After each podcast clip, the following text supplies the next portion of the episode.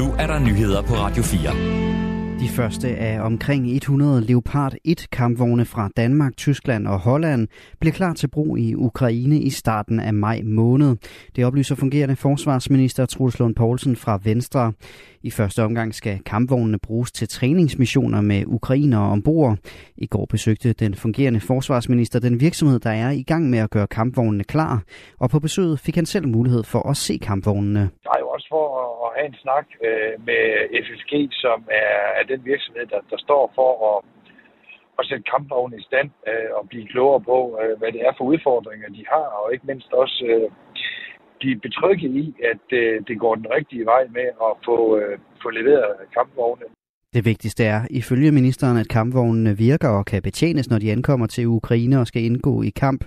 Derfor ankommer ikke alle Leopard 1-kampvognene til Ukraine på én gang. Vi kan forvente, at vi kan levere et sted mellem 80 og 90 kampvogne her i løbet af 2023 og de vil blive leveret øh, kontinuerligt, fordi at de skal indgå i træningsaktiviteter med de ukrainske soldater, der skal benytte dem. Og derfor øh, kommer vi til at se, at de bliver leveret i en, en, en lang række delmængder øh, fra omkring starten af maj og så øh, resten af året. I starten af februar meddelte regeringen, at der var blevet indgået et samarbejde med Tyskland og Holland om istandsættelse og donation af mindst 100 Leopard 1-kampvogne til Ukraine. Kampvognene har stået opmagasineret efter, at de blev udsat, udfaset og erstattet af en nyere model. I dag er det tre år siden, at coronavirus lukkede Danmark ned første gang, men i dag er mundbindet væk, håndtrykket er tilbage, og vi krammer igen. Og vi køber langt mindre håndsprit, er meldingen fra supermarkedskæderne Coop og Salling Group, Salling Group det skriver DR. Under epidemien svarede mange danskere ellers, at de regnede med at blive ved med at bruge håndsprit, også selvom epidemien sluttede. Det siger professor Michael Bang-Petersen, der leder HOPE-projektet, der har undersøgt danskernes adfærd under corona. Det er en understregning af, at vi glemmer hurtigt. Det vidner om, hvor meget der skal til, før vi ændrer vores vaner. To år med håndsprit var altså ikke nok, siger Michael Bang-Petersen. Coop og Selling Group vil af forretningshensyn ikke oplyse faktiske tal om salget. Mange danske TikTok-brugere overvejer at slette appen fra deres telefoner. Det viser en måling, som Analyseinstituttet Voxmeter har lavet for Ritzau. Godt 18 procent af danskerne, som bruger appen, overvejer, om de skal slette den. 4 procent har allerede slettet den, mens 55 procent ikke overvejer at slette den.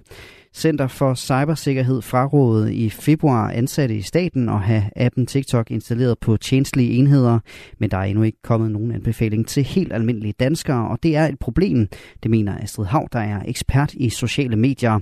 Hun mener ikke, det bør være op til den enkelte dansker, om TikTok skal slettes fra ens telefon. Blandt andet flere ministerier, kommuner, medier og Folketinget har bedt deres ansatte slette appen fra deres arbejdstelefoner. I nat blev forhandlere fra Teknik Arbejdsgiverne på den ene side og Blik- og Rørarbejderforbundet samt Dansk Metal på den anden enige om en ny overenskomst for landet, landets VVS'ere. Det oplyser Teknik Arbejdsgiverne i en pressemeddelelse. Forliget er gældende for omtrent 9.000 VVS'ere og løber over to år. Aftalen indeholder blandt andet elementer, der skal sikre mere lige vilkår på barselsområdet og en stigning i andelen af pensionsmidler, som indbetales af arbejdsgivere. Det kan være, at du skal finde solbrillerne frem i dag. Lidt eller nogen sol er på programmet. Det kan så også være, at de ryger tilbage i lommen, for der er en overgang mere skydevær med sne eller sludbyer på vej. Temperatur mellem 1 og 5 graders varme. Det var nyhederne på Radio 4.